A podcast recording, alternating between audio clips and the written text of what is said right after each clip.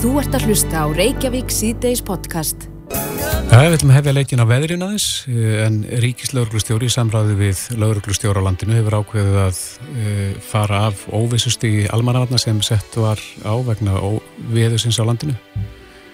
En óvissusti var lísti við 21. februar. Mm -hmm. En uh, það er vonað einhverjum kvelli á morgun. Já, eins og við hefum nú sagt hér áður að þá er skamt stóra högga á milli Mm -hmm. þegar veðrið er annars vegar og við erum svona kannski rétt að jafna okkur eftir skellinum síðustu helgi þegar að, að okkur skilst það sé já, aftur á morgun. Já, á línunni er Haraldur Eiríksson, veðurfræðingur hjá Veðurstofu Íslands, kom til sæl. Já, sælir. Hverju eigum við vona á, á morgun?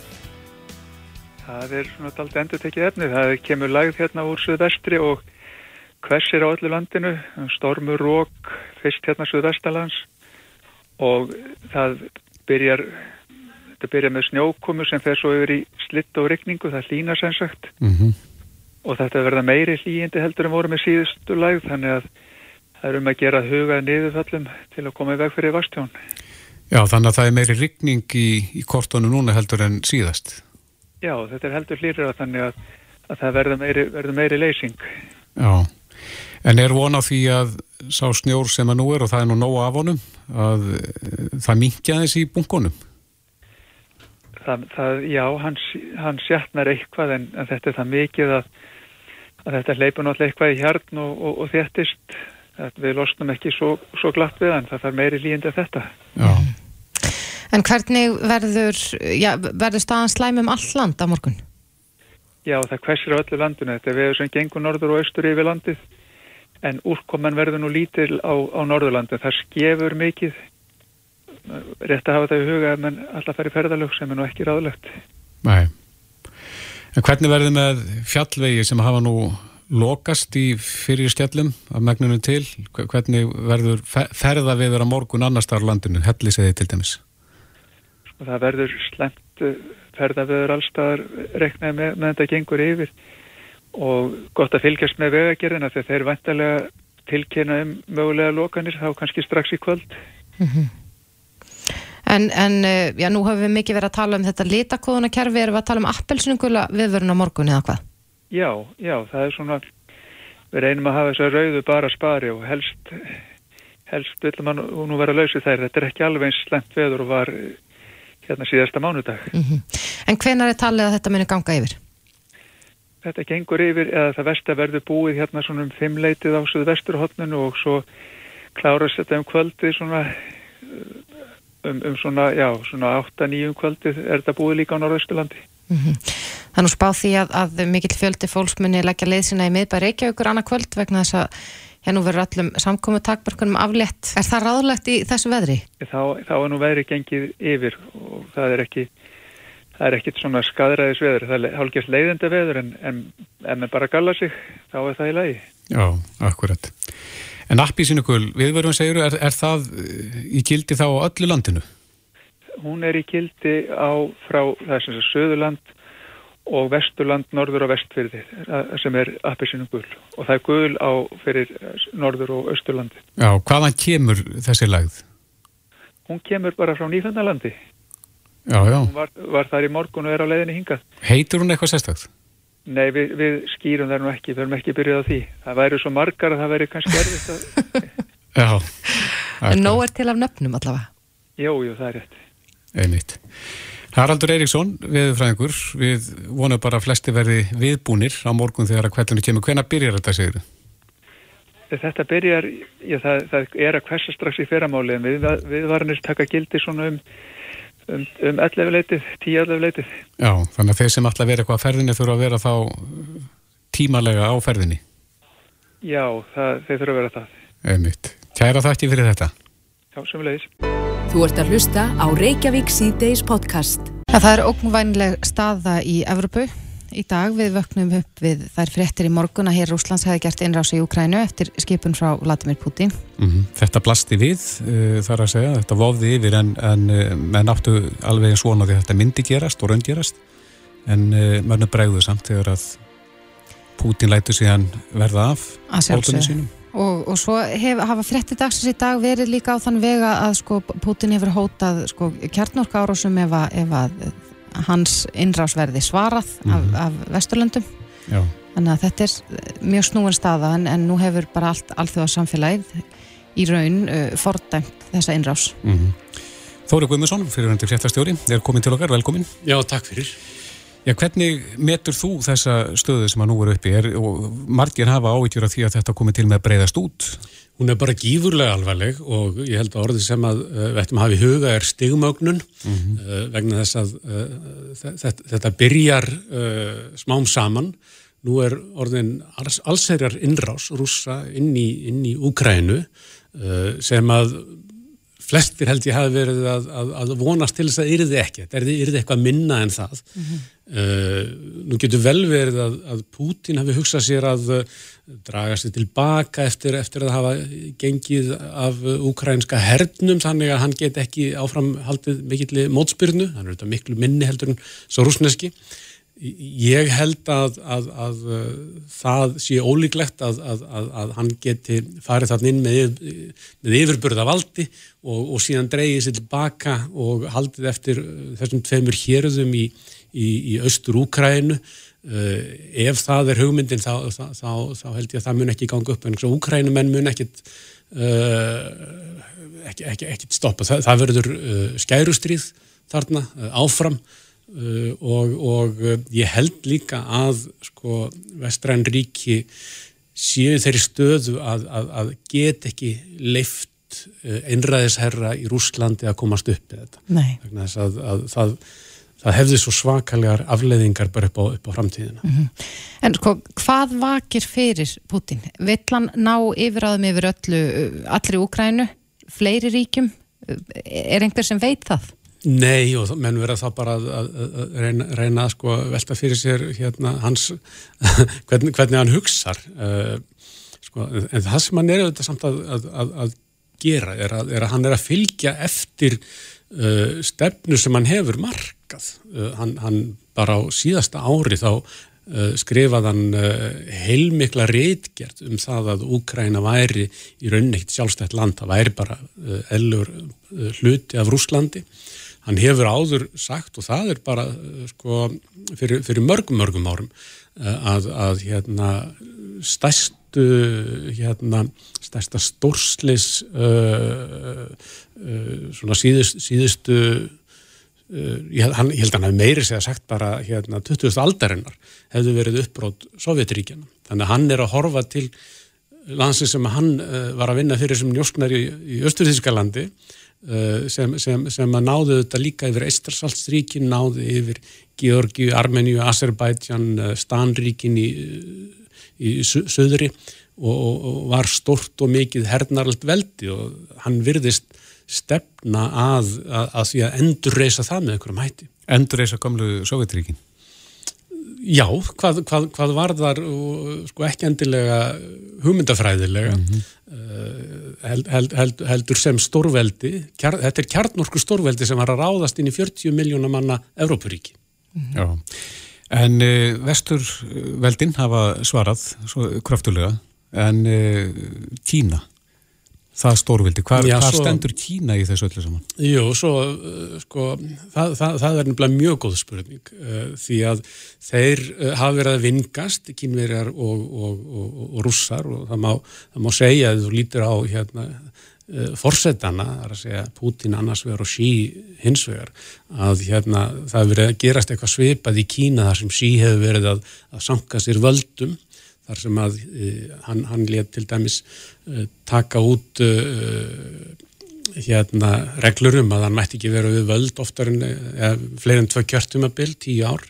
Og þann, þannig að hann ætla greinilega að vera, vera lengi, Putin er þegar búin að vera 22 ári í, í Rúslandi hins vegar er, er þeir ekkit svona kynverður rússar ekkit endilega náttúrulegir vinnir með þess að á, á, á kommunista tímanum þá, þá var ekki vinn gott millið þeirra uh, og ég sé þá ekki sem svona einhvern veginn svona eðlilega eh, bandamenn í, einu öllu eins og er, stóra spurningin þá muni kynverðar nýta sér uh, það að, að, að umheimurinn er að horfa til, til Evrópu, mm -hmm. núna til Östur Evrópu, þeir eru náttúrulega, hann er búin að vera að byggja upp kynverska herin til þess uh, til þess að endur samina Kína og Tævan einhver tíman, það, Ef að, það, ef að það gerist, ef að kynir að nýta tækifæri núna og ráðast inn í Tæfan, hvað eru við þá að horfa það? Það er því náttúrulega alveg hræðilegt stríð, kannski enþá verra heldur en það sem við erum að sjá, sjá núna, en kannski spurningin hvort að, hvort að bandaríkjaman séu sí, sí, þá með bara hugan annar staðar og hvað það þýðir varði þeirra getur til þess að, að koma Tæfanum til, til, til varnar. Mm -hmm. Þeir eru alltaf að passa sig að segja sem svo að þeir Uh, bandaríkjumenn að, að, að það, þeir, þeir heita því ekki að fara tæfunum til varnar ef kynur er ráðast en, en þeir hafa gefið í skinn að þeir muni gera það mm -hmm. En sko nú hefur maður heyrt allskynns frettir og, og, og frettaflutningur í Rúsland eru þetta kannski ekki með besta móti. Þar er ríkismiðl og mér skilst að það hafi verið hótað því að, að loka öllum miðlum sem segðu ekki frettir sem að kemur beint frá ríkismiðlunum eða frá ríkistjórninni um hvað segja rúsarnir? Er, hefur þið heyrt eitthvað af því, sko, er, eru rúsar fylgjandi þessu sem að Putin er að gera? Já, mér fannst mjög merkilegt í, í, í morgun þegar að fréttamenn fóru bara út og götu í Moskvu og spurðu fólk hvað þið finnist um þetta og uh, það var engin allavega í þessari BBC frétt sem að gælast, þá, þá, þá var engin uh, uh, Moskvubúi sem þeir töluðu við og, og, og með þess að uh, vitnuði við vorum með nöfnun líka, mm -hmm. var enginn sem, sem, sem vildi styðja stríðið og flestir menn fóru, voru svona mis, misjaflega sko harkalega gegn stríðsátökum, menn men ég held að það sé, það sé ekki mjög margir sem að skilja hvers vegna russar er að ráðast á Úkrænum en þeir eins og Putin kannski finnst þetta að vera, þeir vera frændur og, og hérna þetta er, þetta er land sem var hluti af Sovjetríkjónum og, og ég held að það sé mjög margir sem bara skilji ekki hvað, hvað, hvað sé verið að gera, sjá mhm. ekki tilgangin. En nú hefur verið mikið talað um refsaðgerðir og, og maður svona veltið fyrir sig hvað, hvað er hægt að gera við bara við hér á Íslandi og allþjóða samfélagi allt, hvað er hægt að gera svo að, að, að það, já, sjáist í raun og að hann finni fyrir því að, að rúsarnir finni fyrir þessum þrýstingi frá allþjóða samfélaginu. Erum við að gera nógu eða þurfum við að spýti lóna? Sko það sem að uh, menn hafa verið að, að uh, svona, feta þá leið undan farin ár og halda því áfram núna að það, það er að uh, beita viðskiptaþvingunum á einstaklinga í stjórnkerfinu uh, og taka fyrir þá einstakka banka til dæmis þar sem að, þar sem að uh, auðmenn og þar á meðal uh, margir í, stjórn Rúslands eru með sína peninga. Og það er það sem er verið að gera núna. Hins vegar það sem er líka verið að tala um er að, að, að, að sko uh, já, menn mun að rifja upp uh, ræðu Winstons Churchills þegar að hérna, þegar að kaldastriðið var, var að hefjast í rauninni þar sem hann talaði um járnmúr niður, niður, niður, niður Evrópu að hugsanlega er þessi uh, þessi výlína að myndast á ný þar sem að sko Rúsland var í rauninni og, og er, hefur verið undan færin ár bara hluti af uh, alþjóðlegu viðsk viðskiptakerfi. En, en það sem er að tala um núna sem varandi viðskiptilega refsiðaðgeri það, það getur bara mjög auðvöldlega leitt til þess að, að, að sko Rúsland einangrist á, á, á svona kannski ekki alveg sama hátt en á einhvern hátt uh, sem fær mann til að hugsa um gamlu Sovjetríkin þar sem að í heiminum voru tvö kerfi sem töluðu ekki saman mm -hmm. að það sé eitthvað svipað sem að, sem, sem að hugsanlega verði uh, upp úr þessum viðskiptalegu refsaðagjörðum. En getur það gert Pútín hættulegri? Já, já, það getur gert það. Þannig að það getur haft auðvitað áhrif? Já, hann mynd okkur á það í nótt að, að þeir ráða yfir kjarnorkuvapnum. Mm -hmm. Ég held að það sé rétt með að fara hjá mér að, að, að Rúsland er með formensku í öryggisræðu samnið þjóna. Já. Hvaða, hvaða rullu spilar það? Nú er hlutverk öryggisræðsins að koma á frið í heiminum og, og við sjáum þessa innrás í nótt. Já. Eh, er hægt að gera eitthvað í því eða halda þeir bara formensku og áfram gakk? Ég á bara að vona á því. Þeir eru náttúrulega líka með neitunuvald sem að skiptir eiginlega ennþá meira máli. Uh, kínverjar sömu söm leiðis. Þannig að ég efast um að öryggisráðið sé uh, að fara að gera mjög mikið í, í þessari deilu. Það er óvíkt.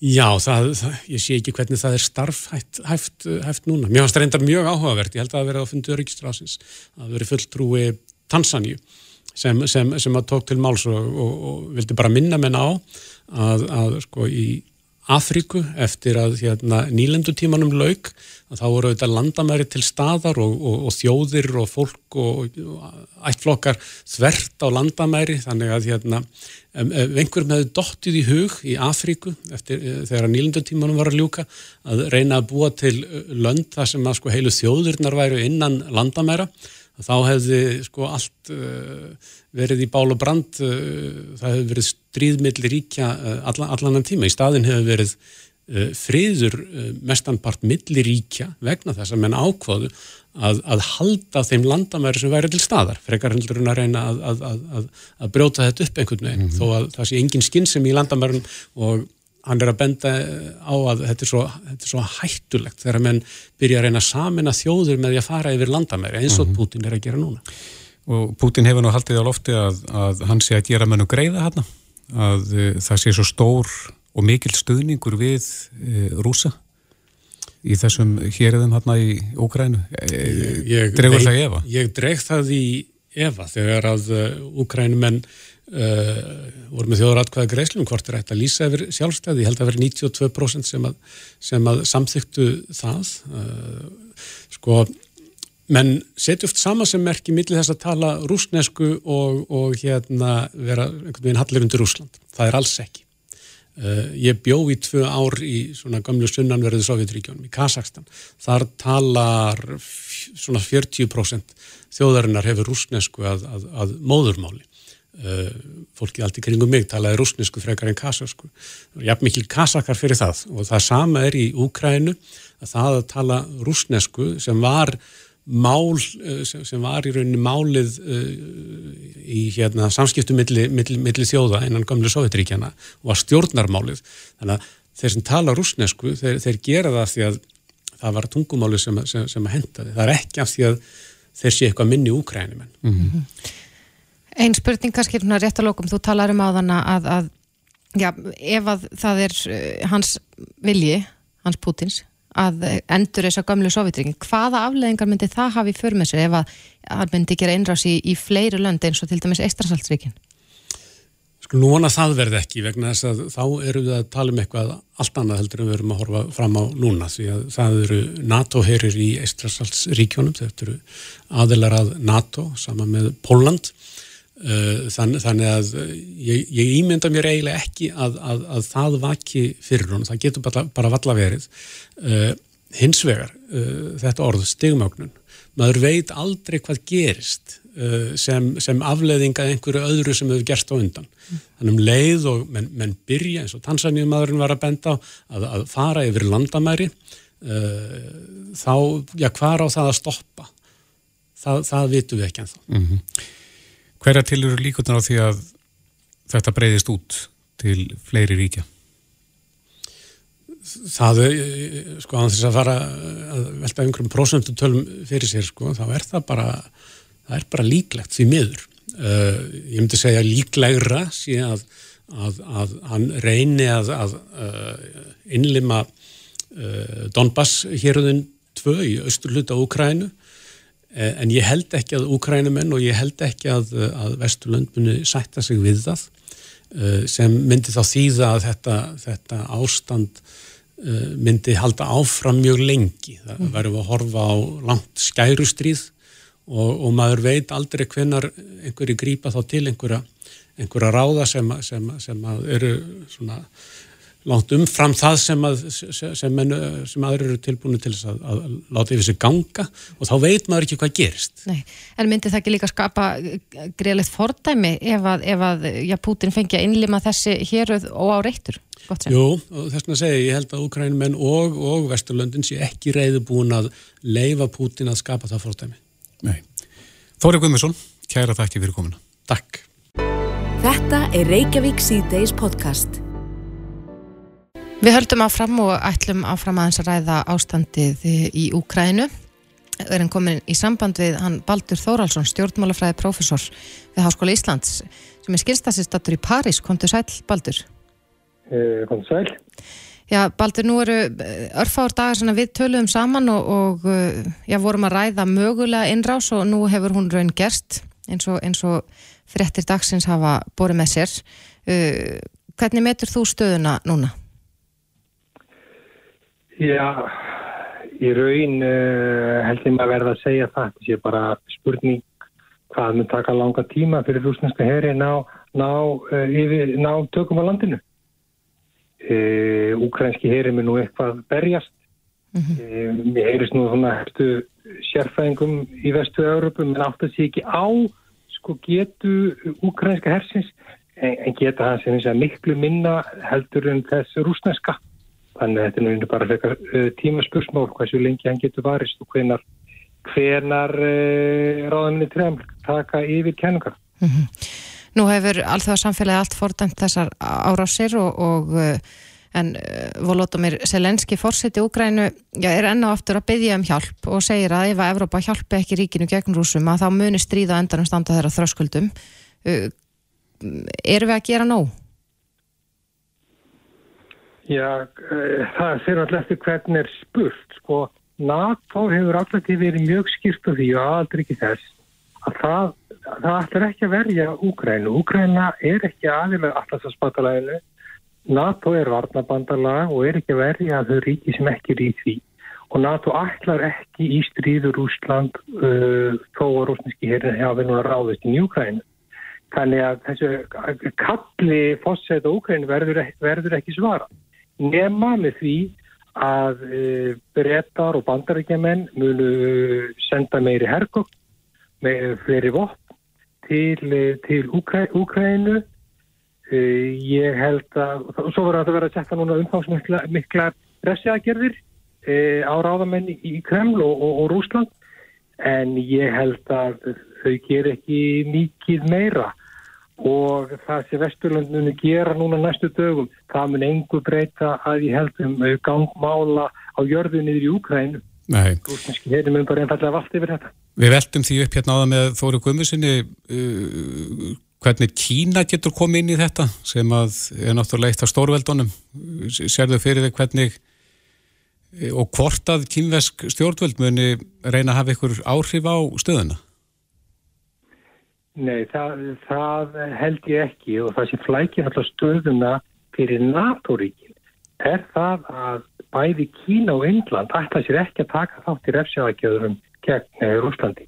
Kína var, hefur ekki fordand innráðs Rúslands í Ukraínu og þeir vildi ekki einu sinni eh, talsmenn kíninsku stjórnarnar vildi ekki einu sinni kalla þetta innráðs. Það er nánara í samband uh, á milli Moskvu og Beijing heldur verið, verið lengi þessi ríki eru svona í óformlu bandalagi um, um margt í meira mæli heldur en áður. Og þannig að ég sé ekki að þau fara að skipta sér að þau freka að horfa svona á hlýðalínunni og sjá henni að það sjá hvað rúsar komast upp með, hvað þau komast látt því að eh, Kína stjórn er að seglast til áhrifa við svegur um heiminn í miklu meira mæli raun heldur rúsnæst Rúsnæst stjórnvöld er mest aftum sína sí, sko, e, um ríkin sem standa næstum við landamærin e, en, en, en Kína er að segjast á áhrifut matarinn. Kína er náttúrulega stóra veldi, heimsveldi sem er að rýsa upp en þetta er svona þetta er svona Særður Björn sem er að sparka núna frá sér í hefðið Rúslands. Já, er búið að króan af Björnin? Hann upplifir það og þá verður það mjög áruskjart eins og eins og við þekkjum. E, en mér hefur stundu fundist vera miskilingur umræðinni að það sé að frumkvæði NATO og bandaríkjana að það sé verið að e, stakkana allarsvarsbandalagi og, og, og eins og nefn talar um Króa og Rúsland, Rúsland af. Það, hef, sko, haf, það hefur verið þannig að þessi nýfrjálstu ríki mið og, og austur-Európu hafa sóst eftir aðvilt að allarsvarsbandalagi ríki NATO voru í fyrstu mjög kreatífið sem að hleypa þeim inn vegna þess að þau vissu það að með að þau færu inn þá myndu rúsnesku ráðamenn upplefa að þeim væri ógnað og þeim væri ögrað og það vildu þeir ekki að vegna þrá beðinni þessar ríkja sem kröfðust þess bara á þau eru hlusta sem fullvalda frjálsríki mm -hmm. þá var þeim hleyft inn í, NATO. E, það var eins og ekki raunin í Ukrænu og ekki með Georgiu þó að þið væri gefið svona undir fótið með aðl 2008 en síðan 2008 hefur önni rúsnesku stjórnvöldum hafa rúsnesku stjórnvöld haft neitunavalt á því að þessi ríki ganga inn mm -hmm. Björni stappaði það niður fótunum og sagði hingaðu ekki lengra og NATO hlustaði á það. Já, en, en Baldur, hvaða ríki eru það sem er í mestri hættu á innrás ef að, að stríðið sko breyðist út? Það er góð spurning sko, það er kannski í augnablikinu er ekki líkur á stríðið e, breyðist út og það er kannski, gott að taka það fram að kannski sko, sko borgurum í NATO-ríkjunum stendur ekki bein okn af þessum stríðsátökum í augnablikinu. En það sem ég held að við vinum horfa fram á á næstu missurum ef að e, Rúsland nær Úkrænu undir sig á einhverjum vikum á nýgill erfiðleika þá munið þið bara halda áfram að láta til sín taka. Ég held að sé alveg borin von til dæmis að stjórnan anstæðin í Belarus fá að komast til valda meðan Putin er við stjórnvölinni í Moskvu. Það verður öllum, öllum and, andstöðu öllum brotin tilbaka í, í Belarus. Eins og rétt og þeir, þeir sendur rúsneski, Rúsland sendur nú bara sérsveitina inn og hermenn inn í, í, í Kazakstan e, núna um jólinn þegar þar voru mótmæli og ég held í vaksandi mæli muni Putin og rústumstjórnur að skipta sér af sérstaklega í þeim héröðum í fyrrum líðveldu Sovjetríkjana sem ekki að gengi í NATO það sem er fólk sem tala rúsnesku og tengir við Rúsland mm -hmm. og ég held að markmið e, ráðanveginn í Moskvu sé er að hafa pólitísk ítök í öllum þessum ríkjum fyrrum líðveldu Sovjetríkjana sem ekki að gengi í NATO þannig að þau til þau ráði rauninu utryggistöfnu þeirra að þau getur komið í vekk fyrir að þau tengist Evrópu og bandaríkjónum nárunum böndum pólitísku efnaðslega. Það held ég að sé markmið Pútins sem ég held að stjórnvöldi í Moskú muni bara keira, keira, keira þau muni keira þá línu á næstu. Mm -hmm. En Baldur, er hægt á því að þetta stegmagnast á næstu dögum? Sko það kannski, já, já, sko það, það, það ég, sko, ég rauninni held nú að þetta er hafið að rússar munu ekki e, sko hætta þegar þeir ná landinu á sitt vald. Þeir, þeir munu ekki hætta fyrr. Hvað það tekur langa tíma er ómögulegt að spá fyrir um. En sko það kannski magnast ekki að e, öðru leiti en það er eins og alltaf hætta á því. Þegar er komið stríð að atbyrðarásin bara verði þannig að það verði miklu meiri átök og viðtakar átök. Segjum sem svo núna það bara, ég nefndi á þann, að breytar og bandaríkjumenn munu núna líklega að senda enn meiri vott yfir til Úkrænu.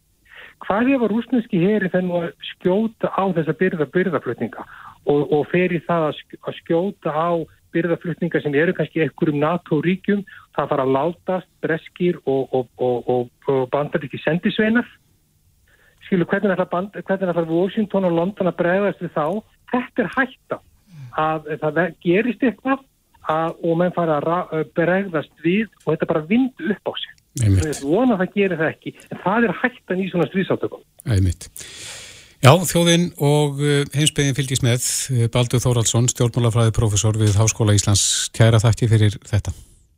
Takk ykkur, við bless. Þetta er Reykjavík C-Days podcast.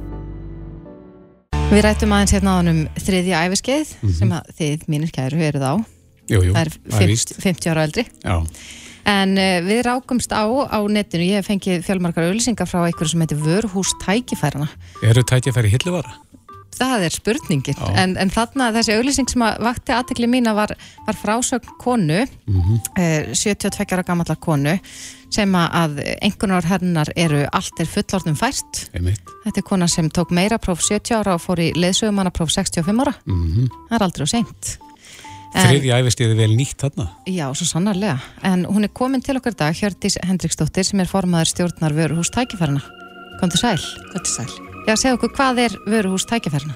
Uh, Vöruhús tækifærna er kannski svona svar við breyttum aðstæðum uh, hérna í hvað sem að lífaldri þjóðarinnar hér og í vestranum heimi að hérna áður fyrir þá svona uh, lifði fólk ekki slengur svo, lengi eins og það gerir í dag og þannig að og ekki við góða heilsu mm -hmm. Og þannig að þegar fólk hætti að vinna sín, sitt hefðbundastarf þá var þetta kannski ekki svona langu tími eins og það er í dag en ef að fólk er að hætta að vinna 65-67 ára í dag þá getur það átt, við, átt vona því að verða nýr, nýrætt eða eldra og það er ofsalega langu tími til að sitja og gera ekki neitt. Er það algengt í dag að þegar fólk hættir að vinna þá hefur það ekki að neina að snúa?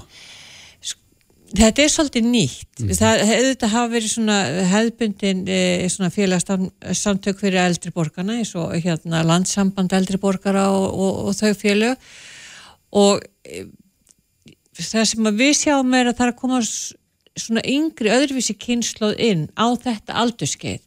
Þetta er fólk sem að eins og segir kannski meira mentað heldur en fyrir kynnslóður það hefur gert meira, það hefur ferðast, það hefur búið erlendis og það er bara með betri aðstæðir til að gera hluti og ný, finna ný tækifæri og nýta sér þau mm -hmm. og uh, þannig að við hefum svona hérna eins og segi þetta er sjálfbáða samtök hjá okkur og hérna við hefum verið að sapna saman og við ekki aðtikla á tækifærum og þessna kallum við þetta vöruhús tækifærna mm -hmm. og þá erum við með svona kannski svo íkja, við, við erum með rekka undir fjárhagur, e, lífsfylling, e, heilsa og hvað eina og undir þessum rekkum þar erum við það sem kallum hillurnar. Þórdís nefndi hérna söguna þessari 72-jara, erstu með fleiri sögur sem þú getur delt með okkur? Við bara eins og þeir sem við höfum fengið svona hérna fólk til íðist við okkur í þessari kynningarferð og kallaðu fyrirmyndir mm -hmm. fyrirmyndir fólk sem að fer og gerir eitthvað splunkunni mm -hmm. og við erum náttúrulega auðvitað með hann Kristján Gíslason Ringfara og, og hérna sem að Hvað gerði hann? Ha? Hvað gerði hann? Hann var hérna fórstjóri og svo ákveður hann að hætta að njóta lífsins og hann mhm. elskaði golfið og hérna svo fær hann brjósklós og golfdagarnir er búnir mm -hmm. og, og hérna og þá fyrir hann að gera eitthvað annað og ákveður að fara að hafa aldrei farið á, á hérna mótuhjól og hann enda með því að plana áttamánaferð um hverju snöttin mm -hmm. á mótuhjóli og það, hann segir að það sem hafi gert útslægi hjá sér er þetta e, það sem að pappan sagði, hafi sagt við hann og gefað hann um svona ráð aldrei hægt að þvora mm -hmm. og hérna já, þannig að það er eitt dæmi já. og svo erum við svolítið að setja inn á vefin hjá okkur svona sögur af fleiri, fleiri manneskum að hérna það þarf kannski svolítið svona hvað maður segja eh, svolítið þór mm -hmm. til að stakka já Akkurat. En hvers slags hugmyndir að tækifæri eru í vöruhúsinu? Það er, það er alls konar, það eru svona ímis námskeið, hvað getur sagt er eh, hérna eh, hvað getur stótt er aðstóð og upplýsingar, það getur verið réttindi, það getur verið styrtir námskeið það getur verið lesópar það er við, náttúrulega, hvað ég var að segja, móðurfélagið okkar er háskólið þriði æfiskeiðsins sem er félagskapur sem er til bara út um allan heim og, og þeir standa fyrir alls konar fyrirlestrum og heimsoknum í fyrirtæki og menningastofnanir og þannig að það, það ættu allir að finna eitthvað við sitt hæfi. Hvað gerir fólk? Hvernig setur þessi samband við ykkur og, og þið leiðbeinir fólki áfram? Nei, þetta er það, sem er, er á vöruhúsinu það er bara efni sem við setjum inn og bendum á mm -hmm. þú mhm. getur farið þarna eða það fyrir svona eftir þitt áhersfið við, eins og ég segi, við erum bara sjálfbóðasamtök mm -hmm. Þið kveikið hugmyndir Við kveikjum hugmyndir og okkar markmið er að gera fólk á sem aldrei virt í mhm. samfélaginu vegna þess að það sem að e, alþjóða heilbrís e, samtökin stopnunni segir í dag er þeir kalla einmannaleika eh, heimsfarald, pandemik notaður um hérna hjá eldrafólki vegna þess að það sem við gerum svona eh, höfum tilhengu til að gera er að einangra okkur þegar við elduðumst og það er ansvokna sína að einmannaleiki e, rýrir andlega en ekki síður líkanlega helsu og þannig að okkur finnst að það er kannski að vera að horfa meira á í þessu sko nýju uh, aldursamsetningu í staðans að tala svona neikvægt um eldri borgarar, það vantar fleiri hjúkunarými, þau eru fráflæ, fráflæðisvandi að ef að við auðvildum þessum aldursóp að vera virkur í samfélaginu, þá þurfum við setna, mikið setna að leita í þessi úrræði eins og, hjúkunarými eins og segja þetta fyrir saman andleg virkni og, og hérna góð helsa fyrir þetta bara auðvitað á eldra fólk að njóta lífsins. Akkurat, en fyrir áhuga sama þá er bara vefsíðan ykkar vöruhústækifærina.is og þar er hægt að kynna sér já, öll þessi tækifæri. Já. Glæsilegt. Uh, Hjördis Hendriksdóttir, formaður stjórnar vöruhústækifærina. Kæra þakkir fyrir komuna. Takk fyrir að bjóða mér. Reykjavík síðdeis á Bilginni podcast Reykjavík síðdeis, uh, málmálana í dag er vitaskuld innrás rúsa inn í Úkrænu og uh, alþjóðsamfélagið hefur náttúrulega bröðist mjög hart við. Mm -hmm. Það er mhm. nánast hvert sem litið er að það eru, eru rattir á þá leið að, að þetta er fordæmt og þessi innrás. Að sjálfsögðu og þetta er, er, ég er búin að vera að fylgjast vel með vaktininn á vísipunkturins í dag sem ég mæli með fyrir alla, það er hægt að fá allar nýjastu upplýsingar um, um já, nýjastu vendingar Einmitt. í þessum málum. Mm -hmm.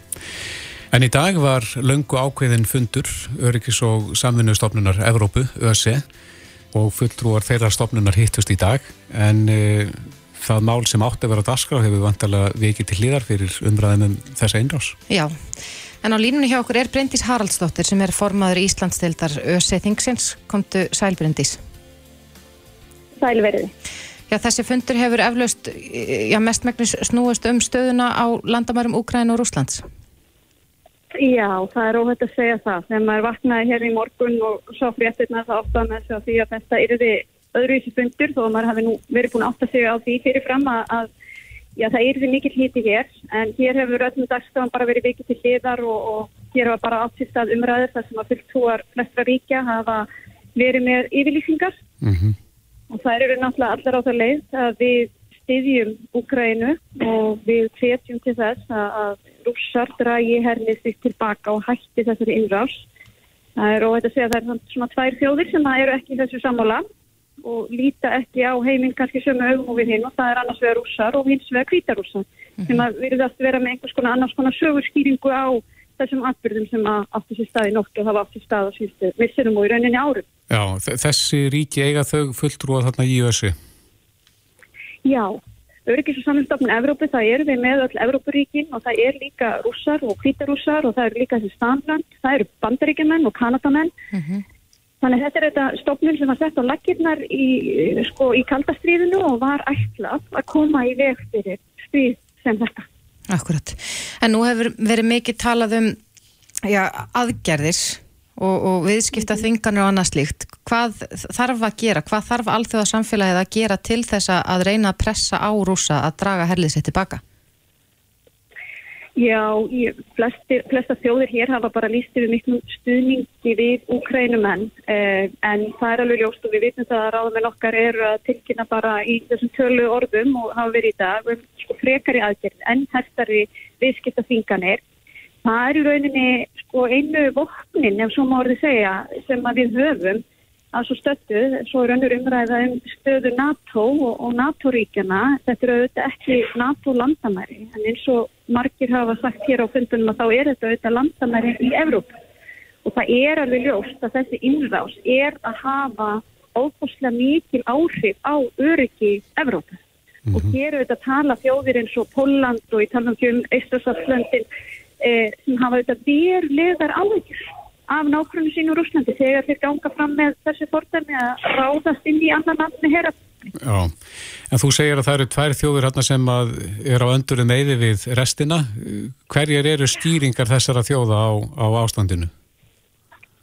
Já, kvítrúsarnir eða kvítrúsin sem tók til máls hér fyrir morgun, hann vilti nú meina það að það hefur verið að koma í veg fyrir þessa atbörðarás og uh, fyrir allt nöngu síðan og þá náttúrulega veifa þeir sko hérna minnsk uh, sáttmálanum sem að þau eru auðvitað tóku þátt í að hérna að gera og stóðu fyrir yfir þessur á sem að var þá svona vopna hér á milli þessara stríðandi fylgtinga e, og það, þá er Ukrænumönnum leiðið að hálsi að hafa ekki virt uh, minnsk uh, samningin ég held nú að sunda því sem að hér hefur komið fram bæði í máli kvítrúsa og ekki síður í máli rúsa ég sko endur skrifuð saga frá þeirra sjónafáttum mm. og rússar vilja meina það að þeir séu þarna í fríðanleitunum og þeir eigi enga óvinni og engi þurfa að líta á Rúsland sem óvinni en á sama tíma eru þeir bara að sprengja upp uh, land innan össi og innan Evropu og þetta er auðvitað ekki hægt að líta þetta neitt aðrunum að bara mjög svörtum augum fyrir öryggi í Evropu.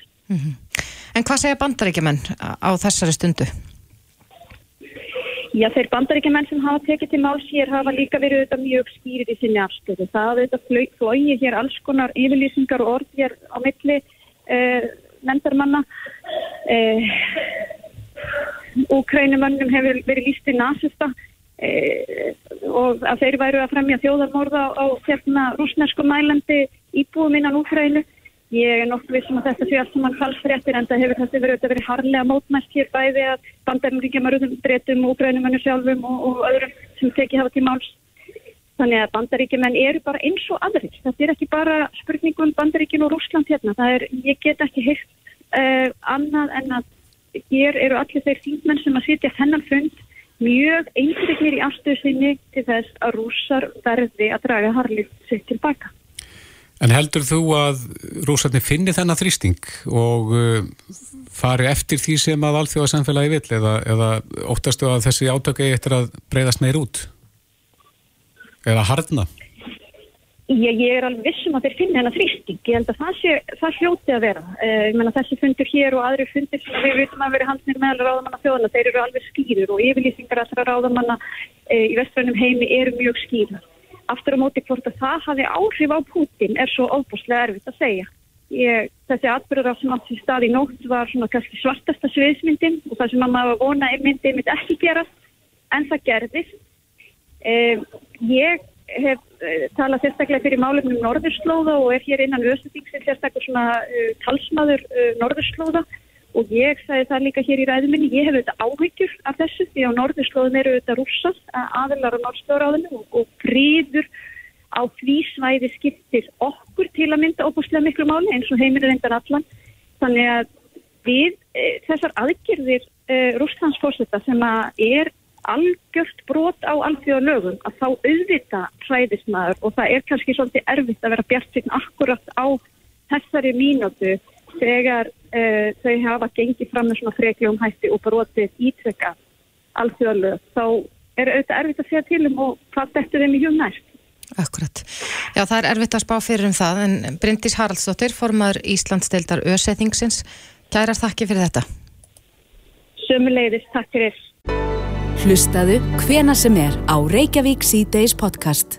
Við munum öllu eftir því um daginn þegar að óverið skall á og að það snjóaði gríðarlega mikið hérna á höfbruksvæðinu. Að það töluðu við Pavel Bastusek sem talaði um að það myndi nú taka 2-3 daga að, að riðja húsagöturnar. Mm -hmm. Það liði nú, bara eins og eh, fyrir mitt leiti þá býði ég hlýðunum að það liði nú aðeins fleiri enn þrýr dagar þar til að eitthvað var gert í málum. En það er búið að koma núna? Já, það er búið Já. að koma. Mm -hmm. og, og staðan er auðvitað mjög slæm víða um borgina Já. Þar er mikill snjór og já, verðist ekki ganga alveg nóg vel að riðja mm -hmm. um, við erum ákomst á grein í morgunblaðin í dag sem ber heitið snjóröðningur í ruggli í Reykjavík. Já, það er eins og þegar að snjóar mikið, þetta gerist alltaf annars slæðið þannig sem mann ger ekki ráð fyrir þetta gerist annars slæðið Akkurat. En Kjartan Magnússon, fyrirrandi borgarfulltrúi eh, er á línu, kom til sæl. Já, komið sæl. Já, þú skrifar þessa grein og, og telur ástæð til þess að, að benda þess á það sem þú kallar ruggli snjómókstri. Já, ég skrifaði greinina vegna þess að mér flöskraði svo bara að sjá hversu illa hefur verið staðið að þessi í Reykjavík. Mm. Um, það er engin allast til að þetta, þegar að snjóa svona mikið, þá bara komist allt í, í lag samdagus. En það vittum svo til að við erum nýrsta höfuborgi heimi og við höfum við höfum áratuga reynsla því að eh, fást við snókomu, jafnvel snókomu sem er meiri en þetta. Og þegar ég var borgarfuttrú þá hafði ég nú svolítið áhuga á þessu og kynnti mér svona hvernig þetta var gert. Og eh, þá sá maður hvað, hvað skipulagið skipti miklu máli. Skipulagið og, og stjórnunin í, í, þessu því að sko snjóruðningur í sjálfu sér er ekki flókin en uh, og svo rætti ég við, rætti ég við menn sem hafa mikla reynsla þessu, sem er áratuga reynslu. Og, og uh, komst að því að, að uh, skipulagið, skipulagið og stjórnunin virðist bara vera í ruggli hvað þennan málaflokk snertir. Hvernig þá? Í, í hverju fælst rugglið? Það er, það er markþætt. Uh, uh, til dæmis það að, að kalla ekki út fleiri þegar það var ljóst að, að það væri svona mikil snjókoma sem alltaf var bara var ljóst strax uh, fyrirkomulagi hefur verið breytt sko nú eru nú er þetta einni bóðið út og, og verktakar sinna þessum þætti og það eru möguleikar á því að kalla til varalið en, en mér skilst að það sé þá einhvern veginn í gegnum verktakana sem hafa kannski ekki nógu mikla kvata til að kalla að utan á komandi verktaka. Mm -hmm. ég veit að þetta hljóma flókið það nú samt ekki. Og ég herði frá, frá verktökum í, í síðustu viku sem jarðinu verktökum sem buðu fram sín tæki og mannskap en það var svo mikið snjóra þeir gátt ekki mikið verið í jarðinu á sama tíma. Og þetta hefur náttúrulega, þetta var gert áratungum saman, borgin borgin svona fyrstu dag eftir snjóa kallaði út alla sem verkningi gáttu valdið. En ég veit til þess að, að margir buðu fram uh, vinnu sína verktakar en ef, ef var ekki svarað. Mm -hmm og því, og því, því fór sem fór þá, þá gerðist þærfinni sem á ekki að helst ekki að geta gerst að eh, vegna þess að það er ekki nógu mikill kraftur settur í til byrjun þá hlæðist upp snjórin og svo þyðnar og blotnar í honum og, og frýs á, á vísl og þá hlæðist upp í húsagullum og þá lendum við í þessu sem bara gerist í mörgum gullum þar að meðalminni að það eru djúb hjólfur og svo harðir higgir á milli sem, eh, sem eru, já það eru kannski helst eh, þegar að bílarnir mætti ekki þá voru það bara lágir bílar sem, sem skói þessa hryggi mm -hmm. En væri betra í, já svona ef maður, maður hugsa út í hvernig þetta var áður nú haf, hefur borgin já, selt eða losa sér við flest snjórunningstækin sín og nú er þetta á herðum verktaka, væri betra ef að borgin sæjum þetta sjálf? Uh, ég er ekki viss um það vegna þess að hérna ég, skoði þetta svolítið áður í stundum þegar að gerði þá fór ég nú bara mínum fjallabíl og kerðum hverfið borgarinnar og þá, þá sá ég að það var víða velstæðið að verki þrátt fyrir að, að borgin hefði var ekki að skaffa tæki viðkomandi hverfi það myndi sannlega hjálpa eitthvað að borgin ætti eitthvað tæki, hún ná, nánast engin tæki núna nema bara traktoruna fyrir gangustíðana en uh, það, það okkur að hjálpa eitthvað en, en uh, aðalatrið er að hafa að leggja áherslu á að fá sem flesta verktaka til liðs fyrstu dagana eftir að snjóar. Mm -hmm. En þú sagði kjartan að jarðvinni verktakar hafi bóðið fram sína þjónustu og tæki en ekki Já. verið svarað. Hverra er að svara því? Hvert fara slíkar uh, hvert fara slík bóð? Já, það er eitthvað spurning. Ég gerir áfyrir að þeir hefði bæði bóðið þjónustu sína til ja, verktökisæfum hann er bóðið borginistjónusti sína og fyrst ekki verið svarað en síðan verið bent á eh, undirverktaka borgarinnar sem mætti þá að ráðan mm -hmm. og, eh, og eh, sá undirverktaki eða verktaki borgarinnar reyndist ekki hafa neitt áhuga eftir því sem þessi verktökisæfum er á, á að ráða sig og, og, og það líka annar í þessu sko að ég man eftir í hérna áður sko þá þá unnu verktakar, þeir unnu langt fram á kvöld. Mörgum eh, verktakar þeir voru bara fengnir fyrstu dagan eftir að snjóaði og þeir voru, þeir voru að fram á kvöld og fram á nótt. Fannst þetta þægilega að vinna í mörgum hverfum á, á kvöldin því þá var minni umferð. Mm -hmm. En eh, mér skiltaði um daginn sko, þá, þá hafi mjög lítið verið unnið eftir klukka 5. Ég, ég, fór, ég fór sjálfur svona að akkum daginn að skoða þetta sko, og þá og, og Ég sá enga verktaka að störfum nema á þau kvöld, nema þá verktakar sem voru sem hægt að vinna fyrir enga friteki, að riðja, bílastæði hjá stórmörkuðum og svona. Mm -hmm. Þannig að ég, mér gruna kannski vegna spartna, kannski að mennur að spara sko yfirvinnu tímana, að þá hafi, þá hafi verktakar, þó, þó þeir utan að komandi verktakar sem voru fengnið, sem voru einhverjir, það hafi verið svolítið sparaðir tímatni við á hann að fyrstu dagana. Akkurat.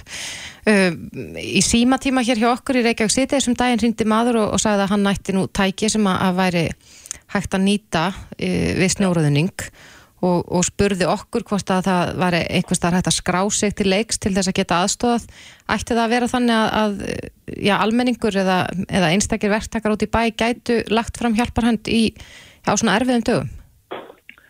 Já, þannig, þannig var það og eins og ég segi, þeir eru viljur vegna þess að þegar það er 27 cm í aðtallin snjór, þá er maður ekkit mikið í jarðinu, nákvæmlega, nákvæmlega þá sko, og þá eru þeir auðvitað viljað að fá verkefni fyrir sín tæki og það er nóga jarðinu verktökum í Reykjavík en, en aðeins sluti þegar það var notaður. Hérna áður fyrir var, var held ég, var held ég lögð áhersla að fá sem flestar hendur á dekk þegar að snjórin var sem mestur. Mm -hmm.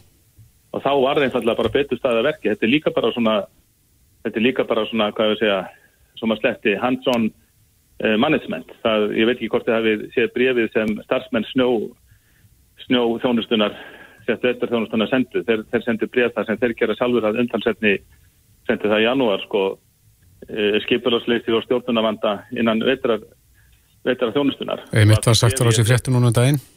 Já, já, og ég ætla ekki að, ég ætla ekki að kannski fjalla um það, það hér en það er svona staðfesti mína grunnsendunum það að þarna þarna til eitthvað að bæta og, og þeir, þeir kvarti við því að þeir kvarti við því að það þeir njóti ekki virðingar bara vegna þess að þeir séu ekki háskólamentaðir og þannig að maður er eitthvað róf er eitthvað róf á milli, milli þeirra sko sem, sem sitja við skrippborðið alla, alla daga og voru kannski ránir að þeir hefur svo mörg háskólapróf og, og þeirra þeir hinna sem sko raunverulega sinna þjónustunni og, og þekk þetta betur að því þeir eru úti alltaf dag.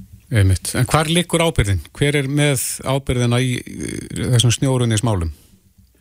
Já, hún likur auðvitað hjá yfirstjórn borgarinnar, hjá, hjá borgarstjóra og við, við sáum það nú, hann brá nú ekki út af þeim vana sínum blæsaður sko að fara í felur þegar þetta klúður, klúður kom upp. Maður sá að, mað sá að þetta var, það var gífileg óanægja sem kom fram á öllum íbúið í borginni og og fjölmjöla reynda ná í borgastjóra en, en, en eins og venjulega þegar það er eitthvað, eitthvað erfitt þá eru mittistjórnendur sendir til að svara eða eins og já Pavel sem er þá formaður umhverfisráðs en, en borgastjórun er bara horfin, hann bara hverfur hann bara hverfur eh, hverfur bara greifir sig í fönn bara meðan umræðan stendur því miður auðvitað mm -hmm. hann að svara fyrir þetta En þú kallar eftir viðbröðum frá, frá borgastjóra við þessari gaggrinni?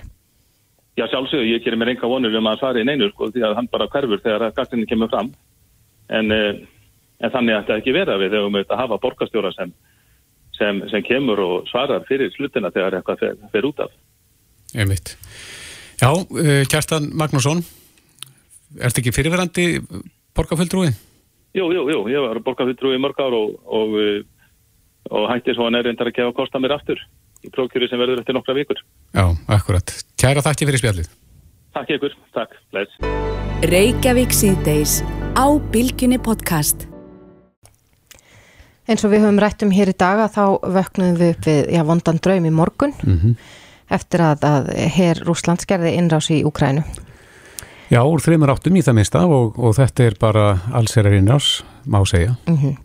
Það var áhugavert að heyra eh, Þórtísi Kolbrunu Reykjörg Gilvadóttur utaríkisráð þeirra í hátægisfrettum Bilgjunar í dag mm -hmm. og stöð 2 líka en uh, hún talaði um að erðu virkjaðar við brás áallanir, varnar áallanir og, og að það gæti jafnvel þýtt að það væri aukin viðbúnar eða jafnvel aukin viðvera mm -hmm. á keflaugu flugulli og við já, mörg hver munum eftir hérna, árum áður þegar að herin var hér eða varnarlið Emitt og á línunni er fyrirverandi upplýsingafulltrúi varnarleysins eh, fyrir Þór Eital, kom til sæl. Komið sæl. Já, þú vantilega fylgist með þessari þróun eins og aðri landsmenn. Hvernig líst þér á blikuna? Mér líst nú ekki vel á þetta. Eh, sér þú fyrir að það geti orðið ykkur aukin viðbúnaður á varnarleys svæðinu? Svona í kjölfarið? Nei, ekki, ekki sé ég það nú ef að, ef að þessar aðgerðir verða engöngu bundnar á þessu svæði. Það væri ekki nema ef að, uh, ef að rússar færi að sína einhverja tilbyrði hérna í, í norðurhöfum eða uh, senda skip eða kapota út á, á Allandsar sem að ég sé nú ekki uh, endilega séu líkur á. En, en svo er nú aftur á aftur á móti að, að það að segja sko að, að viðbúnaðurinn í Keflavík er bara þegar orðin jafn mikill en svo að var oft hjá varnaliðinu. Mm -hmm. Þannig að það er ekkert mikið við, mikið við að bæta. Hér eru viska loftvarnir, það er nú hérna orustuflugsveit í loftrýmisgæslu æfingu hérna í augnablíkinu og uh, uh, kapotaleita flugvelar hafa verið að starfa hérna sem uh, ja, eins mikið meira en sérst hefur síðan bara á uh, síðasta áratug varnaleysins. Mm -hmm. Já, hún myndist á það, hún þórtist Kolbrún í, í viðtali í daga að, já, að almenningu væri kannski bara ekkit endilega meðvitaður um hversu mikil viðbúnar væri nú þegar. Heldur að það sé raunin að, að almenningur í landinu átti sér ekki alveg á stöðun eins og hún er á, á keflaguflöðli? Nei, en það hefur það ekkit verið auglýst. Þetta hefur, þetta hefur komið inn hérna bara svona hægt og hljótt og uh, bandrækjumenn hafa aðstöðuna hér eftir sínu höfði eins og er hafa alltaf gert. Mm -hmm. Þannig að, og, og munu koma til með að gera það áfram svo lengi sem það hendar þeim og, og við erum í samstæðu við þá. Já, en svona þegar að varnarliðið var með mesta starfsemi hér á, á landi að þá var nú kallt stríð í gangi, það maður nú segja það sé skollið á kallt stríð aftur. Sér það ekki fyrir að, að Ísland verði svona í mikilvægara hlutverki þegar að framlýða stundir? Nei, sko, það sem hefur gerst uh, eftir að, að bandrækjumenn færðu sig þarna á sandinum í, í, í, í Asíu mm -hmm. að uh, þá hefur orðið með þessum uh, hérna sverðarslætti Pútins uh, frá 2014 þá hefur uh, uh, bara lega landsins fæst þannig eða hvað var að segja Aksjónin hefur fæst aftur til Íslands uh, af því að, að Ísland liggur beitna við sem millilendingastadur fyrir Norður-Európu heldur en Asoregar lágu við fyrir þessum aðgerðum þarna sunnar á nettinum mm -hmm. og uh, gott dæmi um þetta er það að, að þegar að, að bandrækjumenn voru að sína uh, sprengjuflugular hérna á síðast ári sem að ekki hefur gerst síðan á sjötta áratögnum þegar Ísland spilaði staðista rullu í, í uh, uh, framrásastefnu uh, bandarinska hérna, sprengjuflugflotans. Það var áningarstaður þeirra til 1960. Mm -hmm. En heldur það að Ísland verði svona meira í siktinu hjá Pútín og, og félögum? Það þykir mér ekkert líklegt að þeir hafi ekki nóg á sinni könnu þarna Við verum að hafa í huga sko, við erum ekki að bera saman uh, Rúsland sem er svona efnaðslega á við Ítalíu eða Spáni eða eitthvað þessum ríkjum sem ofta hafa verið nefnd mm -hmm. og uh, Sovjetríkin í gamla daga. Það, það er bara ekkert á, á, á sama skala. Nei, þetta er tvent ólíkt.